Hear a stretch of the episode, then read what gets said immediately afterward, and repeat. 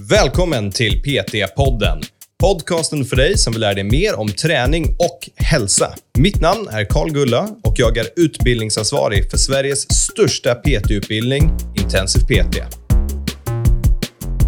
Och det blir ju lättare och lättare känns det som. För att vi har redan kommit till att det är inte ett dugg pinsamt att prata om man är sjuk, om man har feber eller om man har covid. Så, så länge det är något, något fysiskt. Men fortfarande så är det lite tabu att prata om om det är någonting som inte riktigt stämmer psykiskt. Men vi kommer ju dit. Det är ju mer, man är ju mer och mer öppen med att man går till psykolog. Det är inte alls ovanligt att man pratar om det. Men till och med, har du någon bra psykolog? Ja, det är... Varmt välkomna till PT-podden allihopa. Så PT-yrket, det håller på att utvecklas. Man hör och mer och mer att folk säger att PT-yrket, det handlar inte bara om träning, utan det handlar om människan också. Och det här tycker vi är helt sant. Så idag kommer vi fortsätta prata om vad människan faktiskt innebär och hur det kan vara svårt som PT att förhålla sig till det här. Varsågoda. Välkommen till podden, Andreas. Ja, Karl. Vad, ska jag svara? Take 250, typ. Välkommen till PT-podden, Andreas. Tack.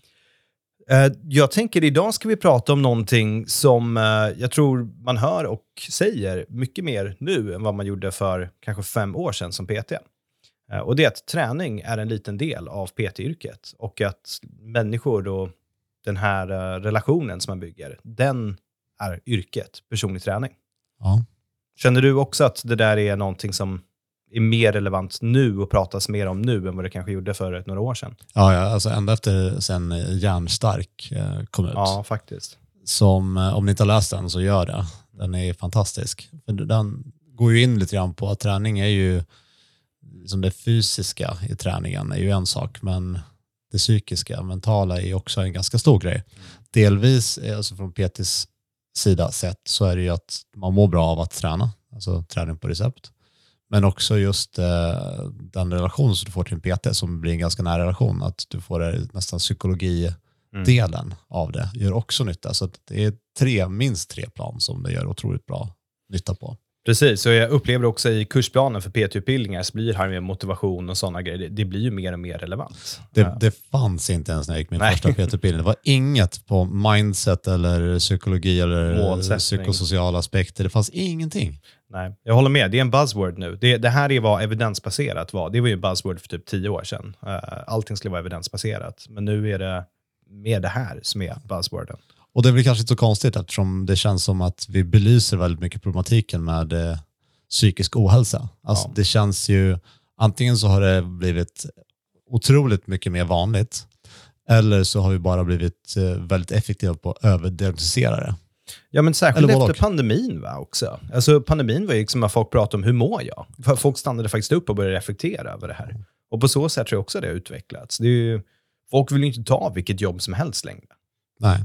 Folk är ju mycket mer restriktiva. Nej, men, men eh, effekten i sig är ju inte ny. Det, det har vi ju vetat länge, att Ja. du mår bra av att träna. Mm. Så det är ju inget konstigt med det. Sen är det ju att jag som PT ska försöka bygga in det på något sätt i min produkt. Mm. Att jobba med det. det en, eh, att vi ska jobba på ditt mående lika mycket som vi jobbar på din kropp. Ja. In, direkt eller indirekt. Exakt. Och om vi bakar ner det här till det konceptet då, av att PT-yrket utvecklas från att handla mer om träning till att handla mer om relationer och människor. Hur tolkar du liksom det? Hur, hur tänker du kring det? Ja, för det första så måste man ju titta på vad, vad ska en PT göra? Mm. Ja, Och vi ska ju inte vara psykologer. Så vi ska ju inte ge råd om hur du ska hantera dina relationer till, till din sambo till exempel. Nej, precis. Vi ska inte säga, vet du vad, Så- det låter som att du är tillsammans med en jävel, du ska skilja Ja, så vi börjar med att liksom dela in vad är, vad är lämpligt för oss att uttala oss om. Mm. Och sen i, på andra sidan av det här så måste vi se till vilka är vi då för att ge råd om det här? Vilka är du och jag som sitter och pratar om det här? Och vi är ju inte psykologer. Och eh, man ska komma ihåg så att de flesta PTs tar inte hjälp av en psykolog för att prata med klienter. Så blir det ännu viktigare att vi, vi delar in vad är relevant för mig, vad är det jag ska och kan bidra med när det kommer till det här. Precis, för det, det är liksom inte så att du ska nu börja dricka öl med alla dina kunder och hänga med dem efter jobbet. Det är inte det vi säger i det här. Det är bara att fokuset skiftar lite grann från att man en gång trodde att allt handlade om träning, det var det enda som var viktigt, till att de här relationerna, det, man börjar liksom belysa att det ställer krav på PTS också. Ja, Och både du och jag har ju haft eh, massa klienter som vi har känslan av att de kommer primärt för att eh, kommer dit för att prata och bara eh, ja, träningen kommer sekundärt. Ja, om jag, det är många klienter man har haft som säger, vet du vad, om jag får välja, ta det här och prata med psykolog istället den här timmen, liksom tio veckor och kom tillbaka. Liksom, den känslan har man väl ändå haft några gånger. Ja, och alltså, det, det är väl, om du har 20 aktiva klienter så är det ju minst tre, fyra stycken som är av den typen. Mm. Som man vet, de kommer för att just den här timmen är så otroligt viktigt för deras psykiska mående. Det är Ja. det de betalar för. De bryr sig kanske inte så mycket om om de förbättrar sin bänkpress eller om de får bättre miltid. Mm. Utan de behöver det här. Och ofta så är det de personerna som också de, de kanske är lite mer öppna med att dela med sig av sina motgångar och sina svårigheter som de har i sitt liv. Precis, och för dem, det kan ju bara vara, egentligen, det, det skulle kunna vara att de pratar med vem som helst eller vad som helst, men det är att de har en timme för sig själva, där de står i centrum. Bara det kan räcka för att det ska vara viktigt för dem. Precis, de, de har ju betalat för en timme som handlar om dem. Ja. Och eh, det gör ju inte en, eh, en kompisrelation. Där, där är ju båda inne på samma villkor. Ja. Där är det ju inte handlar om att bara jag ska prata om mig själv eller bara du om dig själv, utan där handlar det om att ge och ta. Men i en PT-timme så köper ju du fokus från en person. Och eh, det, det är där jag tror är otroligt viktigt för dem. Att nu är allt fokus på mig och allt fokus är på att få mig att må så bra som möjligt. Så jag tror det finns många olika infallsvinklar till det här ämnet. Och det jag vill belysa nu, det är framförallt om att informera. Liksom både framtida PTs och folk som jobbar som PT. Så att det är ju mycket så här. Och det är inte någonting folk har pratat om så mycket förut. Att det faktiskt är att, att verkligheten är mycket mer än att du skriver ett träningsprogram och hjälper någon göra knäböj, marklyft och bänkpress eller till biceps curls. Att det finns en helt annan aspekt av det här yrket, vilket är det vi pratar om. Så ja, men, men den är svår att förhålla sig till, för att de kunderna som kanske mest bara vill gnälla av sig och prata av sig, det är ju de som kanske inte är de roligaste att träna som PT. Så hur ska man förhålla sig till det här när man har den kunden? Så vi kan ta några konkreta exempel här. Och vi har ju de som är eh, mer eller mindre kroniskt eh, i behov av det här. De som nästan varje pass kommer och under tiden som de tränar till och med så berättar de om eh, eländigheter Ja. som de upplever. Att eh, det är ofta det är försäkring vägrar betala ut pengar till dem och deras farmor har cancer. Och de, hur handskas du med en sån person? Vad, vad är din respons tillbaka när du hör allt det här? Ja, och de, här är ju så otroligt svåra för att jag tror det du behöver separera som PT, det är skyldigheten att få dem att må bättre och ansvaret att bara lyssna. Eh, för det är ju väldigt svårt att säga till en kunden, vet du vad, skit i det där, nu ska vi träna. För att du vet att de är förmodligen där för att få den här avlastningen, för att kunna göra det och träna lite grann samtidigt. Så antingen får du väl göra ett ställningstagande, att du säger, markerar, ja, men nu ska vi träna eller planera ett pass där de bara får svettas och inte får en chans att prata. Men då försvinner värdet för den kunden från det passet, för de vill ju få en chans att prata av sig om det här. Men jag tror det är viktigt att avsäga sig ansvar för att lösa kundens problem. Utan att bara säga, okej, men de kommer prata av sig om det här, jag vet att den kunden är så, jag kommer svara, men jag behöver inte lösa det här. Och det farliga tror jag att när du kommer in på det spåret att du vill hjälpa till, Ja. eh, för att det är inte du utbildad för att göra. Så du ska inte hitta lösningar åt klienten och tala om för dem hur de ska resonera eller vad de ska göra. Eh, Så som jag tänker i de här situationerna, jag tänker att jag har en person, det viktiga för dem det är att bara uttrycka det här. De, de är inte ens ute efter tips eller råd. De vill bara, De vill Ja. bara få ut det. de vill bara ventilera ut det här. De kanske hittar Och- någon och- annan och kan berätta om det. kanske tycker det är bra att någon tycker synd om dem eller Ja. letar efter det. Så, så som jag handskas med det här, att jag säger nästan ingenting. Mm. Utan jag lyssnar på vad de säger, eh, nickar och sen så försöker jag första bästa chans jag får att lyfta fram någonting som är positivt, någonting som de gjorde bra, någonting som gjorde bättre än för en månad sedan eller Ja. så, så trycker jag så stenhårt på de sakerna. Eh, och, och det kan vara att man behöver leta efter det. Det kan vara att vi gör en mätning och de har gått ner lite i fettprocent eller eh, hitta på, gör någonting som vi vet att de kommer prestera bättre på för att, för att vända det här. Mm. Sen vet vi att träningen i sig, för att upplevde du också att det är i början på passet de klagar om det här och på slutet Jo. på passet då är de glada. Ja, definitivt. Det gäller bara att försöka komma igång så mycket som möjligt. Komma förbi den här psykologfasen. Mm. Så det är så jag handskas med de som är kroniska, som kommer dit och de har ont och de är sjuka, de har sovit dåligt. Och Det är alltid någonting. alltid. Och det, det är jättevanligt. Mm. Och för dem är det här förmodligen ännu viktigare än för en annan klient.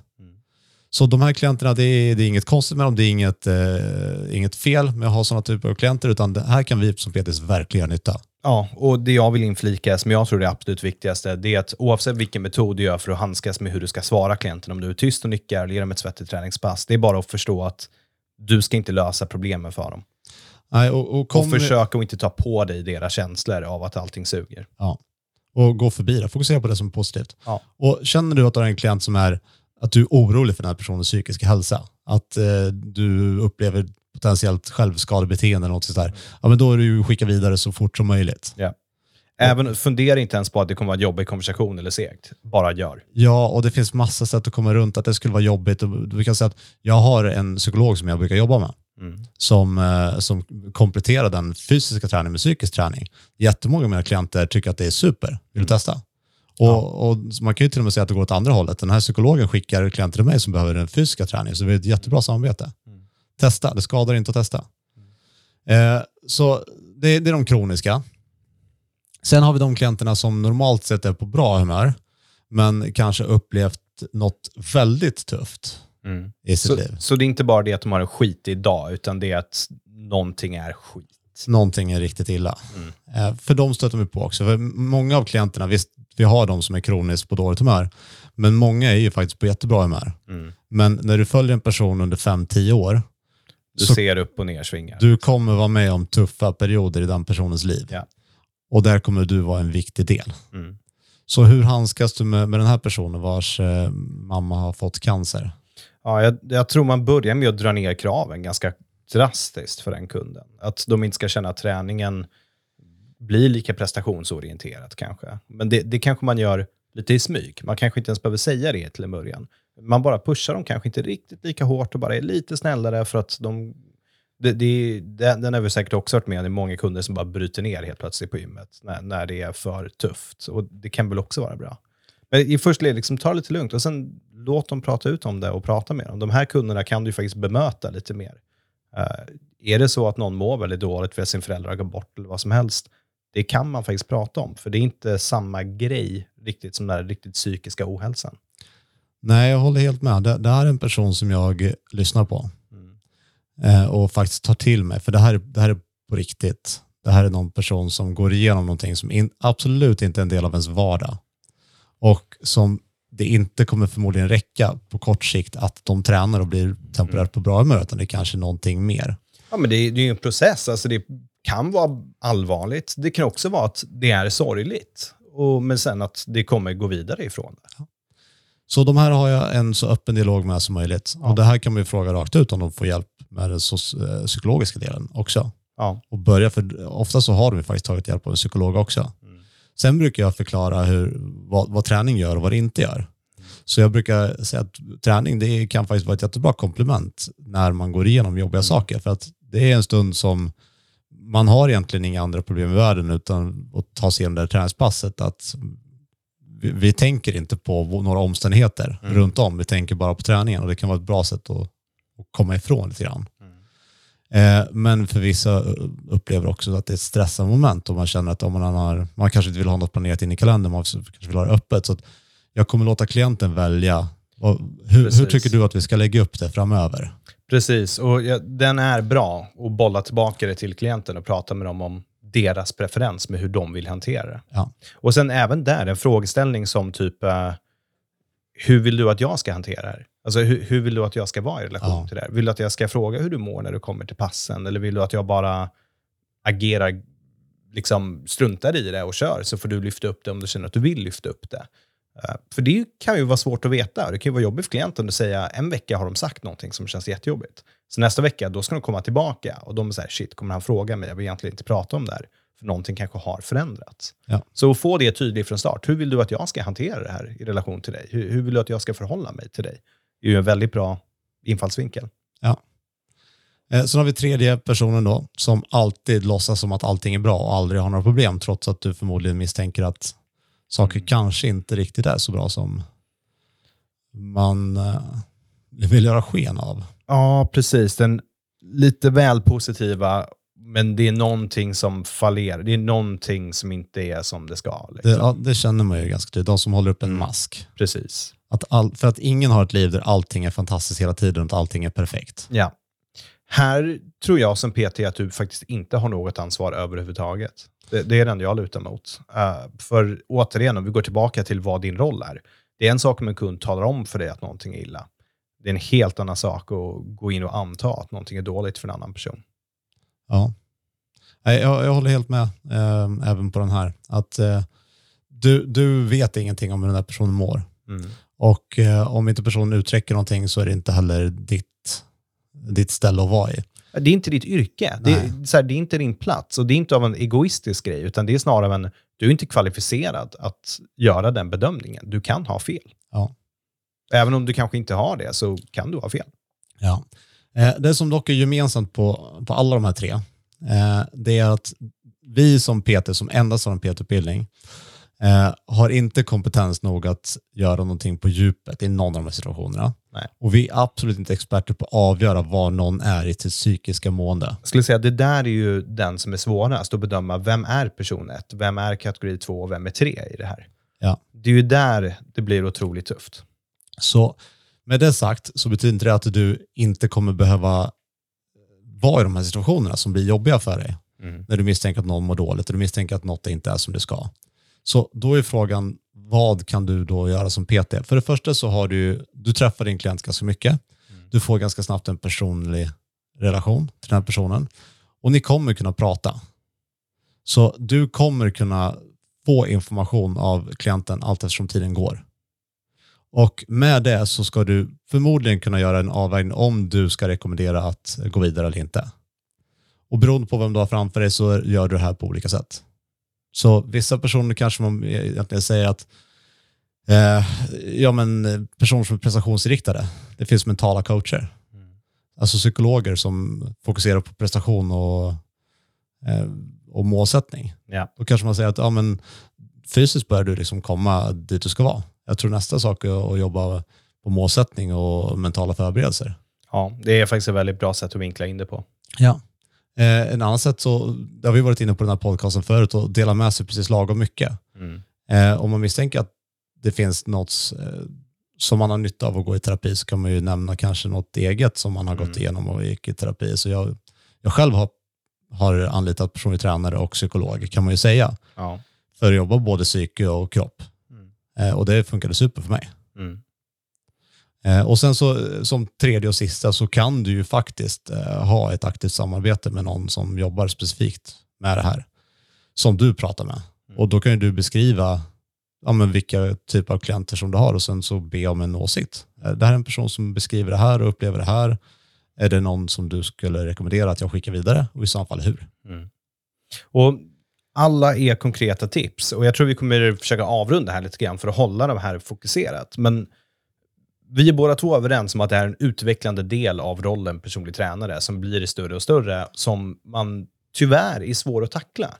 För att du som PT är inte kvalificerad att ta hand om det här. Och även om vi skulle slänga in, du vet, vår utbildning är tre, liksom det, det är tre veckor med föreläsningar, även om det tar mycket längre tid att göra det. Men skulle vi slänga in att hälften av det, hälften av vår PT-utbildning var eh, motiverande samtal och terapigrejer, du är ändå underkvalificerad för att hantera de här grejerna. Så frågar en psykolog som har pluggat i fem år och jobbat i fem år, ska de säga att "Nja, jag är Ja. inte helt säker på det här fortfarande, det är svårt. Exakt. exakt. Och, och det är där vi som PTs hamnar lite i kläm i den här rollen.